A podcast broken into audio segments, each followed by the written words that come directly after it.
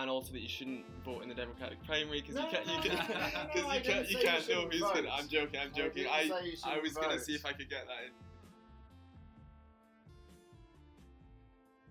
in. Welcome back to Chapel Phil. My name is Hamish, and this is Max Forster. He's a fellow Parr Center, and he's he's on to ask some interesting questions. And today we have on the show uh, Dr. Worsnip. Uh, he is assistant professor here at UNC. He's got numerous awards, publications, and he's got a new book coming out uh, very very soon. Um, welcome, Dr. Worsnip. Thanks. Okay, um, great. So today we're going to be talking about uh, rationality and coherence, and then we're going to uh, segue into a discussion about politics also and how that relates with rationality. So, how do you view rationality? A way that a lot of philosophers have thought about rationality um, is in terms of responding to reasons. So, especially in epistemology, where we focus on rational belief, um, a lot of philosophers have taken it for granted that basically to be rational is to respond appropriately to your evidence, to have beliefs that are well supported by the evidence. So, for example, your evidence supports believing that the Earth uh, uh, is a sphere, roughly, uh, not flat. Um, so, you're irrational if you believe that it's flat. Uh, your evidence supports believing that climate change is real, so you're irrational if you believe that uh, it's not occurring. Um, you know, on the practical side, thinking not not about beliefs, but about attitudes and actions.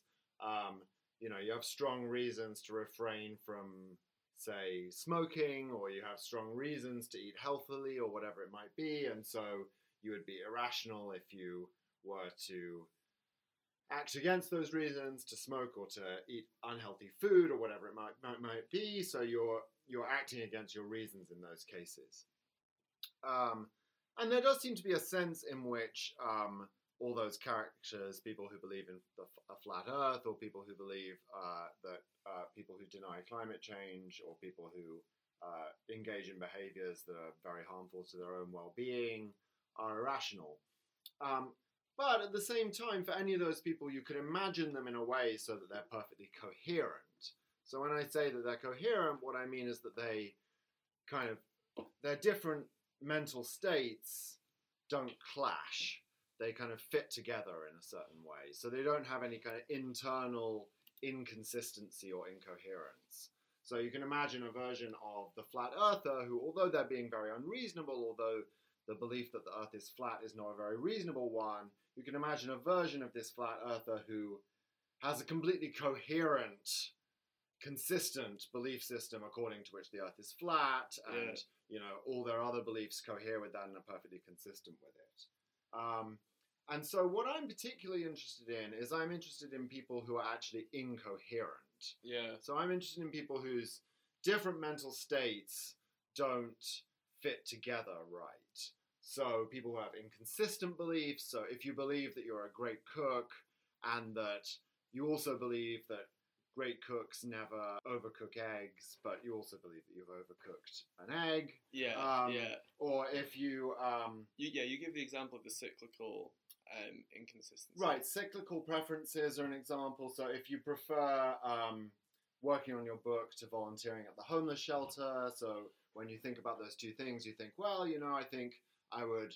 Um, uh, working on the homeless shelter, working at the homeless shelter is a good thing to do, but I really don't have time. I've got to work on my book, and so you prefer working on your book.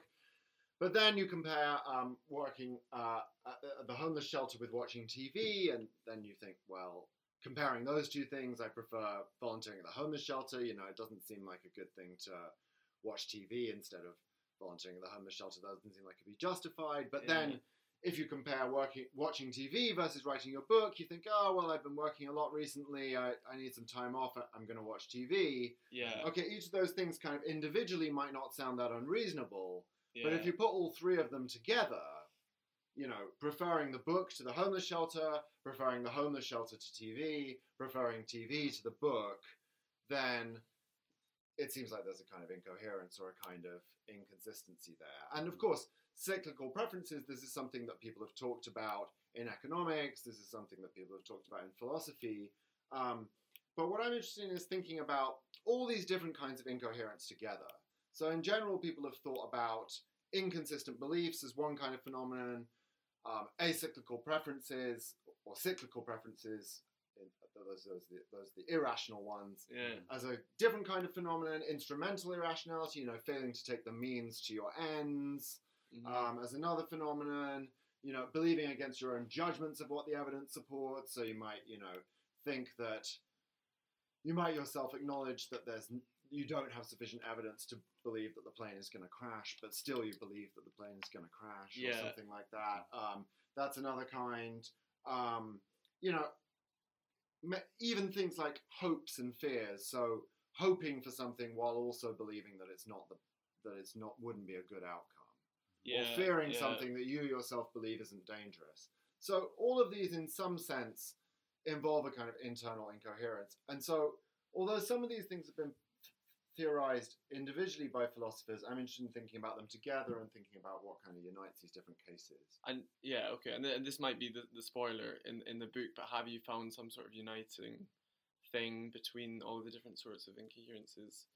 Well, I think that there are a number of things that um, that they have in common. Um, but the kind of central idea that I defend, at least in one chapter of the book, is that what these things have in common is that it's part of the very nature of the mental states, whether those be beliefs or intentions or desires or whatever it might be, that in order to really count as having those mental states, you have to have at least some disposition to avoid this kind of incoherence. Mhm. That doesn't mean that you can never be incoherent, but it means you have to have some kind of disposition to avoid it. So let me give you an example. So think about instrumental irrationality. So suppose someone tells you the following. They say, suppose they know that um, their friend's partner is, is cheating on their friend. Uh-huh. That's very good for Valentine's And Day. yeah, great, great keep that up. Valentine's Day example. So uh, they say, um, okay, well, I know um, that this person's cheating on this person. Okay, they, so they say, I intend to tell them about the infidelity. Yeah. So I intend to tell my friend about the infidelity. That's something I intend to do. And then they also say, and I also believe that in order to tell them about it, I have to call them today you know, Mhm. maybe uh, you know if you leave it beyond today they're going to find out some other way. You want to be the one who tells them. Okay so you intend to be the one who tells them. You believe that in order to do that you've got to call them today. Yeah. and then they say oh but i have no intention whatsoever to call them today.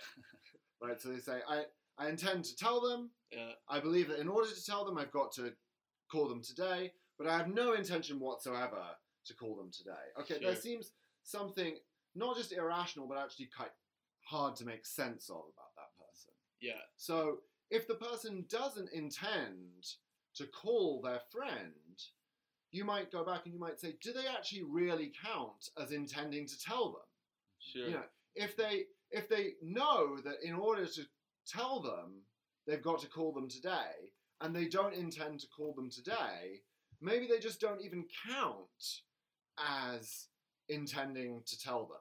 Maybe they instead just want to tell them, or wish that they would tell them, or can see why it would be good if they told them, or something like that. But they don't really intend to tell them if they're not willing to follow through on what they themselves recognize to be the necessary means to that end. So we actually use this kind of requirement of rationality, this requirement of instrumental rationality that says that you're required to take the means to your ends, as a way of interpreting people's mental states.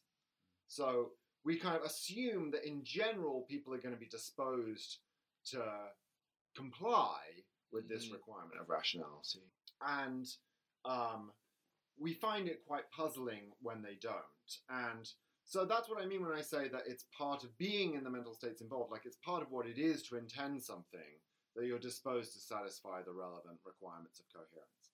Now, sometimes that's not going to happen. So there are other kinds of cases where where it's easier to make sense of someone violating a requirement like this. So suppose that you sort of intend to tell the person uh, about the infidelity. You Yeah. intend to tell the friend about the infidelity. and you also kind of know separately that you know if you don't tell them today they're going to find out some other way but you just haven't really put two and two together you haven't really thought about them together um, uh, you might then kind of be able to sustain the incoherence or something like that because you've kind of never really put it all together but that requires you in a certain way to not be quite fully aware of all your mental states hmm so this the most natural ways of understanding this incoherence involve people not quite being fully aware of their own mental states. I think that's something that actually happens pretty often. Yeah. Um, you know, or not putting them all together in some way. Same kind of thing, I think, with inconsistent beliefs. So here's a kind of political example. So you might kind of, when you're uh, expressing your political views very in a very forthright way with your friends, say the following. You might say, uh, you know, anyone who votes for Trump is a morally bad person, hmm right? And uh, and you really do mean, you know, anyone. You know, if you vote for Trump, that makes you a morally bad person, okay? And you might be sincere in that. You know, you might you might really believe that. And then, but then you might also know this one person who like runs like your local corner store or something like that Yeah. or runs your local bar or whatever it might be. And you might actually know that that person is a Trump supporter. Yeah. And you might think, you know, and you might also believe of that person, oh, they're actually, they're okay. They're not a morally bad person. Yeah. okay? Okay. Okay. And, you know, you might have all three of those beliefs, but just kind of never really reflect on all three of them at once. So you have Yeah. this belief that anyone who supports Trump is a morally bad person. You know, if someone asks you, do you think that anyone who supports Trump is a morally bad person? You say yes. You have this belief that this person who runs this corner shop supports Trump, and you have this belief that they're a morally decent person. And taken individually, you would kind of agree with any of those three claims, but kind of you've never put them all together. hmm And that kind of thing, I think, happens to us pretty often. So we are incoherent. It's not like we're never incoherent. What would be weird, though, is if you acknowledged them all at once and felt no pressure at all to revise them. So if you were like, yeah, that's what I'm sticking with. Every single person who supports Trump is morally bad. This person supports Trump, but they're not morally bad. You know, if you said all those three things at once, we would think, what's going on here? You can't really believe all of those three things. I mean, maybe you are being insincere in at least one of those claims. You know, maybe you don't really believe that everyone who supports Trump is morally bad, or maybe you don't really believe that this person is morally decent. But we kind of look for ways of interpreting you to make you coherent. So Yeah. that's kind of what I think brings together these examples of incoherence is that they're kind of puzzling. There's kind of pressure against interpreting people as being incoherent, or at least pressure against them as being incoherent in a way that isn't explained away by their not having noticed all the different beliefs that they have, or something like that. Um, we use them as kind of constraints on interpreting other people. just to bring in rationality uh, a little bit again to, to start off with um, you talked about the fact that a lot of philosophers think of rationality in, in a way that equates it with person responding to reasons Mhm. and now we've talked a lot about coherence and incoherence do you think that amounts to rationality and or irrationality respectively like could you get maybe to understand this a little bit better give us an example of someone that is rational and not responding to reasons, or, or someone that's coherent but not responding to reasons, or the other way around? Or? Yeah, so to get the uh, kind of flavor for the contrast, um, think about the following kind of case. So think about someone who um, believes that they're Superman Mhm. and believes that Superman can fly. Okay, now that's very unreasonable states. Okay, to believe that they're Superman and uh, well, believing that Superman can fly, it's a little hard to say whether that's reasonable or unreasonable. Let's set that one aside. But it's certainly unreasonable to believe, uh, if you're an ordinary person, that you're Superman, right? Okay, so consider. Let's call this person Tom. So Tom believes he's Superman, and Tom believes he's, he can fly. So that's very unreasonable. Now, now consider two different ways of developing the case. So in the first way of developing the case, this person believes they're Superman, believes Superman can fly, but doesn't believe he can fly. Um, now, if we add that further detail that he doesn't believe that he can fly, now it seems like he's irrational in a further and in, a, I think, a different kind of way. So when we just said he believes he's Superman and he believes that Superman can fly, he was being unreasonable. But we hadn't yet said anything that made him incoherent. Now we've added this person also doesn't believe that he can fly. So, so he believes he's Superman. He believes Superman can fly, but he doesn't believe that he can fly. So now he's not just unreasonable. He's still unreasonable because he believes that he's Superman. But he's not only unreasonable, he's also incoherent because he's got this kind of weird combination of states where he thinks that he's Superman and he thinks Superman can fly, but he doesn't think he can fly. Right? So that's the kind of flavor of the two different kinds of criticism. You could then contrast this person with someone who believes he's Superman, believes that he can fly, sorry, believes he's Superman, believes Superman can fly, and believes that he can fly. Right? That person still thoroughly unreasonable, if anything more unreasonable, because he thinks he can fly. At least the other person recognizes he can't fly. right? This person thinks he can fly. Even more unreasonable, but more coherent, right? Because he mm. believes that he's Superman, believes that Superman can fly, believes that he can fly. Those all fit together. They're mm. logically consistent, right? And so that person is very unreasonable, but but highly coherent. So we can pull these two properties of being reasonable and being coherent apart. So then the kind of other part of your question is, which one should we identify rationality with, right? So mm. one way of thinking about it is like there should be this big fight between the people who think that rationality is about being reasonable or being responsive to reasons, Mhm. and the people who think that being rational is about being coherent. Mhm. And I used to think that rationality is just about being coherent and that being reasonable is just something else. Still something worth marking, still something worth thinking about, Yeah. reasonableness or justification, but that rationality is about coherence. I've kind of gradually come around to the view that instead, that we shouldn't put so much weight on exactly how we use the term rationality. Okay. So instead, now I just talk about two different notions of rationality. So substantive rationality, which is basically about being reasonable, and structural rationality, mm-hmm. which is about being coherent. Mm-hmm. And Were you in the sort of minority to begin with when you thought that it was just to do with coherence? You know, I think it's funny. I think that view, um, this is one of those places where a view is more attractive to people in one area of philosophy than another. So I think if you start with people who are in ethics or something like that, people tend to be fairly sympathetic to that view because people are very used to the idea like if you think about people who are immoral, so someone whose intentions are, ju- and, and, and actions are just very immoral. People are often you. It, it's a very standard thing for people to say in ethics to say, well, it's bad to be immoral, it's unreasonable to be immoral, but it's not irrational to be immoral hmm you know, being irrational would be about failing to follow through on the means to your own ends or violating your own standards or, or something like that. So, someone who's kind of ideally coherent Caligula or um, someone who, you know, uh, wants to, you know, their intentions are to torture people or something like that. They're, they're, they're a bad person, but they're not necessarily irrational, is the thought. And when they say that, I think they're defaulting to the to the coherentist notion of rationality. So they're thinking, look, in order to be truly irrational, you would have to be incoherent, not just to have bad or unreasonable intentions. Yeah. But then on the other hand, in epistemology, people's intent, uh, people's intuitions seem to go completely the opposite way. So Yeah. in epistemology, it's very standard to just go immediately from saying that someone's being unreasonable or failing to believe what their evidence supports to calling them irrational, even if they're not incoherent. So you know, the person who is a climate change denier or believes the Earth is flat or whatever it is, you know, I think of that person as just being the kind of epistemic analog of the person who, you know, uh, intends to torture people.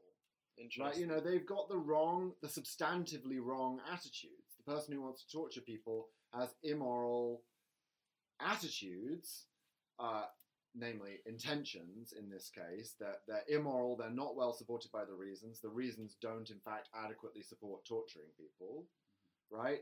yeah. um, but they're not incoherent. And I think you know the person who is a coherent version of the flat earther or the uh, climate change denier is like that. I mean, they're not necessarily morally bad in the same way, but they're being unreasonable. Right? They have beliefs that go against their evidence, against their reasons, but they're not necessarily incoherent. But the interesting thing is that epistemologists tend to immediately go from that to describing them as irrational.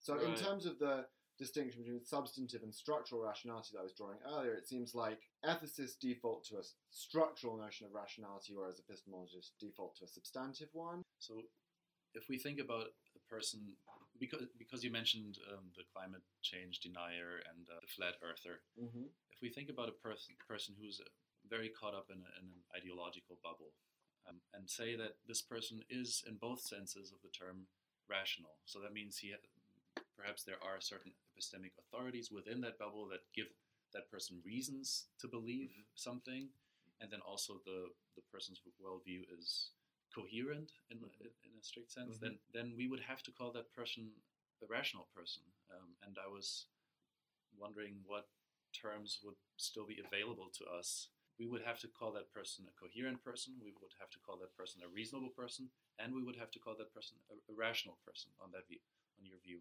what what terms would be available to us to to say that that person is somehow wrong in some sense, to recognize the ideological distortion? Yeah. Well, I don't think we necessarily should should concede um, the thing you assumed, which is that they're being reasonable. Okay. So they certainly have something that they can point to as a reason. Mhm. But it takes more uh, to be reasonable than ju- or, or, or to have justified beliefs, um, which I take to be roughly equivalent. Um, it takes more than, than just having something that you can say by way of justification. You know, it has to be a good justification, and it has to be one that isn't outweighed by competing evidence going the other way. So, um, you know, if you're in your own bubble, um, of course, the details are going to matter here. I mean, what is the bubble? Is is the bubble one where you're being surrounded by misinformation? Is it one where you're being surrounded by you know good evidence and so on? That that's going to make a difference. But let's just suppose for a second that it's a bad bubble Mhm. to make it simpler. Um, so it's a bubble where you're being surrounded by a lot of distortion and, and, and falsehoods. Yep. Um, it's possible that despite the fact that you're being surrounded by this stuff, you ought to see that the evidence isn't that you're being provided presented with isn't that good, or that the arguments you're being presented with aren't, aren't that good. Um, it's also possible that you ought to see, even if you don't see that the evidence and arguments aren't that good, maybe you should see, well, you know, I'm in a bubble, right? Yeah. So here it matters, like whether we're thinking about someone who's in a bubble within a society, or whether we're thinking about someone who's like living in some completely isolated society. Mm-hmm. So if you think about someone who's living in a completely isolated society, that person might not be aware that there are people outside that society who think differently. Then that person might be justified. Maybe their beliefs turn out to be false, but they're justified. But then if you're thinking about people living within kind of echo chambers within American society, mm-hmm. say, Yeah. Um, those people are aware that, that, that there are people of other views and that they're within a bubble. And arguably that should make them ask themselves certain questions like, am I really getting the full extent of the evidence here? Am I processing the evidence in a biased way because of the bubble that I'm in? And awareness of all those sorts of things should maybe make them less confident in, confident in their beliefs. So this is something that epistemologists sometimes call higher order evidence. So you know you have certain evidence like other people's testimony or their arguments or facts and figures that they might provide you with. We might call that the first order evidence. But then if you have evidence that your own evidence is biased or evidence that you've bi- processed it in a biased way, that's higher order evidence. And that should make you think, look, this, uh, these evidence and arguments all seem very strong to me, but maybe that's because I'm in this bubble and I'm processing my evidence in a biased way and so on. And, and, and that ought to make you, at least many of us think, I think, mm-hmm. less confident in your beliefs. And if you remain super confident in your beliefs despite that kind of evidence, then I think you are being substantively irrational or unreasonable. So there is, just to be clear, there is, in your view, a, a responsibility, an obligation to diversify your sources, your your your your reasons. Yeah, I mean, well, the details are complicated here, but uh, as a matter of fact, yeah, I do think if we we think about things like media consumption, that you Yeah. ought to try to consume media from viewpoints other than your own. You know, that an ideal kind of, an ideally rational agent would try to expose themselves to that kind of evidence in order to counteract various kinds of um, biases and, and, and the filtered, filtered evidence that they have from kind of being in a bubble. We do have to be careful here, though, because there's some recent empirical research that suggests that people who can that sometimes consuming points of view far away from your own just increase your confidence in your own view. Um, it, it just produces more kind of uh, partisan reactions. So, um, so to some extent, the philosophy is going to be hostage to the empirical evidence here. But yeah, I certainly think we should be aware of our own biases. We should be aware of how we're in bubbles, and we should also be aware of the things that influence us. So, one thing that epistemologists have been interested in recent years is what they call irrelevant influences on belief. So, Okay. cases where you realize, you know, why do I have these particular political or moral or religious views that I have? Sure seems like they correlate with my upbringing. So if you think, oh, I happen to believe in the one particular religious denomination or whatever it might be that I was brought up in, Yeah. you know, it seems like that's not a coincidence. You know, it's not that you just look through all the different religious views and happen to find this one the most plausible. It, it's very plausible that you believe it largely because of where you grew up. And the same thing can happen to us about about moral or political views as well. Um, you know, if you grew up in a very left wing or a very right wing neighborhood or community or, or, or family. And it seems to us that our beliefs are being produced by these irrelevant influences. I think, at least, that that should lead us to become less confident in those beliefs. Yeah. Okay. Because yeah, I'm I'm really interested in like how people have political disagreements and how people disagree about the political ideology they want to place themselves in. Because you might think that people are using this or have the same reasons, have the same facts, look through them, and that basically people on both aisles of, of the political spectrum are coherent when they use the facts and they put the, their political facts together and then they come come up with a, an ideology, a, a political opinion or a view. You know, philosophers can do a certain amount to say, well, should we understand all political disagreements as involving irrationality on one side? You know, one view is like, whenever there's a disagreement, one side is being irrational. Yeah. And another view is, sometimes this is called a permissivist view in epistemology. No, sometimes, even given the very same evidence, you, you and I could disagree and we could both be being rational. Okay. Um, so philosophers debate about that. So that kind of normative question, like, are we? Could it be that we have the same evidence and that we're both being rational uh, in a disagreement? That's a question that philosophers can answer. The question, why do we disagree in the first place? yeah. Um, you know, I think really has to be a question for psychologists or sociologists or, or, or people looking at the various different kinds of relevant empirical data. So um, I want to ask for some very practical advice. Um, back in my home country, Germany, there has been a development. It's not just a, by a two. There are not just two parties like like United States. We there's a new party that came up, the the AFD, and Mm.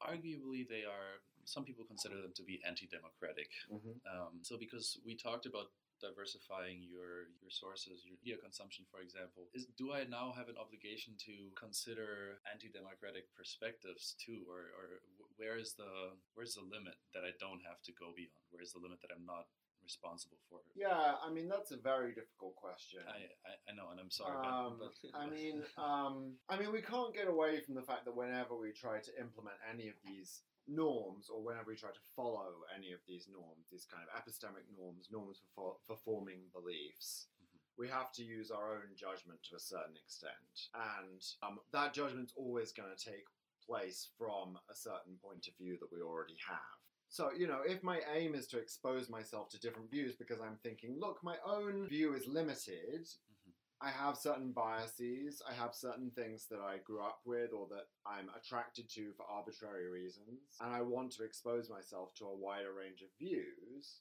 you know, the rationale there is you want to expose yourself to the other views that might have something to be said for them. And then there might be certain views that you just reasonably can in advance rule out as views that are just that listening to them more is, is just not going to provide you with a useful perspective that might actually be the right one contrary to your own and you're confident of that in advance. Mm-hmm. Now this is a difficult balancing act because you know on one hand you can imagine someone extremely dogmatic who just takes that attitude towards every view that is different from their own that just says for every other view that says well this is so obviously corrupt and wrong that i refuse to listen to it because i know i can't learn anything from it um, and that person does seem to be being unreasonably dogmatic. But then, you know, someone who just want to rule out fascists or something like that, you know, and, and says, look, I'm just not going to waste my time reading all this fascist literature or whatever to try and expose myself to that view, is being more reasonable, it seems. But we can only make that judgment from a prior point of view that we have, and I think there's no escaping that. So, you know, I don't think that you have a duty to read stuff representing every possible view. I mean, there's almost an infinity of possible views. Yeah. But, you know, within ones that you have reasonable evidence that reasonable people, that some people who seem outwardly reasonable subscribe to this view, you know, I think you have a duty to expose yourself to that kind of view and to look, you know, for the best version of it, you know, if you can. So, you know, if there's you know, with any view, there's there's some sources that are giving you a sort of more nuanced and interesting and provocative, thought-provoking version of it, and others that are not giving you such a such a good version of it. And so it's not that you have to look at every possible source or something, but I do think you should be looking at, at some beyond your own. And, and then I just there's there are also pragmatic reasons to want to know about other people's views, quite apart from the ones that are about ex- reconsidering your own view. I mm-hmm. mean, it's also just pragmatically useful to be aware of how other people are thinking Yeah. and to try and understand why they're thinking the way that they are. You know, even if you're not using it as an opportunity to reconsider your own views. Just quickly bouncing back to the debate about um, whether you can look at the same bit of evidence and one person be rational, another irrational, or whether there can be multiple perspectives that are both rational. Um, what, what did you call it again? The second Sometimes the, the debate is called the debate about permissivism. So Permissivism. permissivism is the view that you and I can both have the exact same evidence Yeah, and reach different incompatible conclusions and both be rational. And and then the view that says that's not possible is sometimes called uniqueness.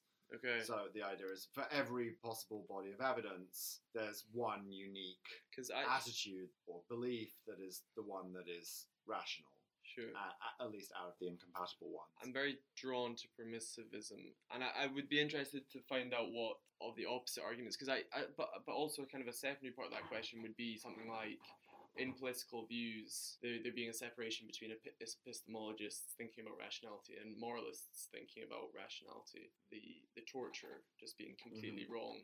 Um, on a moral level, I suppose that got me thinking about how, if at all, moral intuitions and rationality factor into political rationality and views. And uh, obviously, that's quite a controversial thing to even suggest that morality is a part of someone's political view. But I wonder what you think about that also. Yeah, well, so there were two things you raised there. So one of them was about what objections there are to permissivism, and so I'll take that first. So Yeah. yeah, I mean, one of the kind of most popular objections to permissivism has been the thought that if there was were more than two attitudes that were rational given the evidence.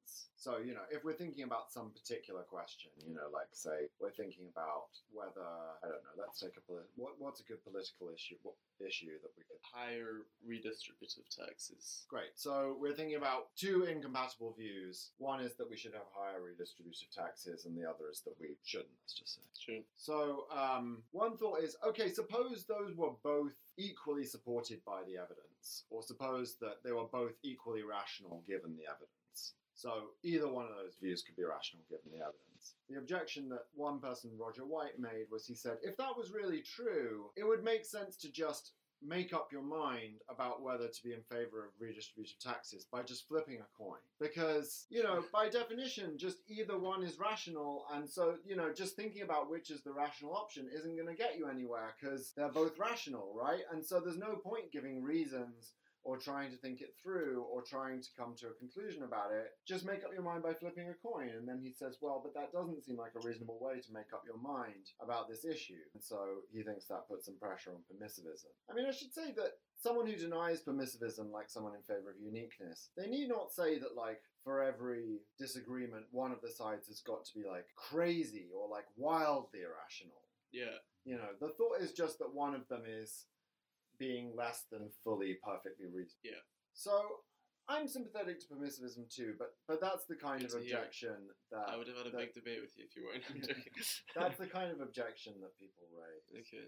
Um, yeah, I mean, I certainly I certainly think that moral questions factor into political questions. hmm Um, in philosophy, we usually draw a distinction between normative claims and non-normative claims.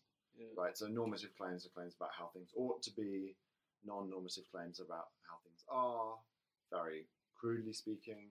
and what's interesting about polit- about the category of political issues or political disagreement is some political disagreement is normative and some is non-normative. So you know, if two people are disagreeing about like you know whether a redistribute, let's stick with the example of redistributive tax policy. Yeah.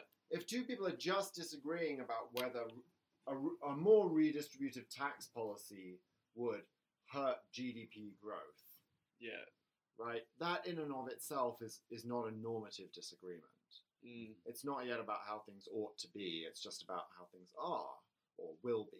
So that's a descriptive question. It's a non-normative question, and so it so far it's not a moral question either. Gotcha. Um, but then usually in the background of that is some kind of set of normative assumptions. So usually people want to draw a further conclusion, which is like, therefore, we should have a redistributive tax policy, um, you know, or we shouldn't. So the person who, a lot of the time, the person who says a, a redistributive tax policy is going to hurt GDP growth, hmm that claim in and of itself is a non-normative claim, but often by making it, they mean to imply, so we shouldn't have a redistributive tax policy, which is a normative claim, right? Yes. Gotcha. And so that normative claim will only follow from the non-normative claim given further normative assumption. So the the claim that we should have a redi- so, sorry, the claim that we shouldn't have a redistributive tax policy only follows from the claim that a redistributive tax policy will hurt GDP growth if you assume that the thing that we should prioritize is GDP growth, hmm right, which is itself a normative claim. Yeah. So a lot of the time, people I call these crypto-normative judgments in a paper that I wrote. Uh, sometimes people say things or pretend to be only making a non-normative judgment, but really they're kind of making a normative judgment. And you know, if they say all I'm saying is that will lead to decrease in GDP, well, often that's not all they're saying. Often they are saying, therefore, we shouldn't do this. So I think personally that sort of whatever injects this is a little bit of a metaphorical way of speaking, but whatever kind of injects the normative oomph into political questions Yeah. is kind of moral in character. Okay. So, Yeah. of course, the question of whether a redistributive tax policy will lead to GDP growth is not a moral question. But the question of whether GDP, whether we should be prioritizing GDP growth or how well-being is distributed across society. So, let's just suppose, for the sake of argument, that GDP tracks well-being. It doesn't really, but let's just suppose, for the sake of argument, that GDP is a good guide to people's happiness. Still, there's a question about whether we should care about just the total aggregate happiness of like add up everyone's happiness in society, hmm or whether we should care about the distribution of that happiness. So, whether we should prefer a world in which everyone has roughly equal happiness to a world in which, you know, one person is very, very, very happy and another person is like very unhappy. So, you know, if you think about it in extremely crude terms, you know, whether a situation where you and I each have five happiness points Uh-huh. or utiles or, or points of utility or whatever you want to call it, whether that situation is just as good as one in which I have nine and you have one. And when you get to that kind of question, that is just, I think, a moral question.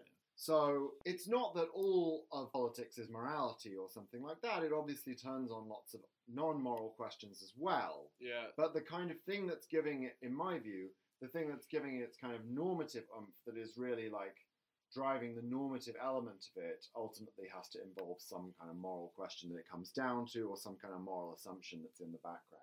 Given all of the questions we've been talking about, do you think the internalism externalism debate gives us some insight into any of that? So, um, I mean, you can formulate the internalism externalism disagreement as one about knowledge or one about justification.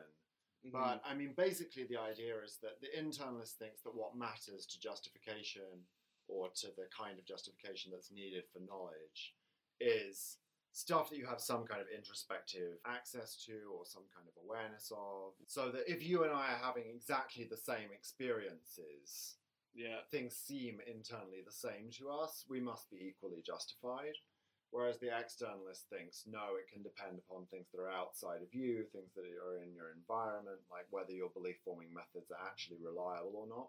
So, one place where I think that this really does matter is the question about bubbles and um, echo chambers that Max was Yeah. asking earlier. So suppose we've got two bubbles, and let's just, I won't call them left and right, but let's just suppose that one of them is kind of the good bubble and one of them is the bad bubble.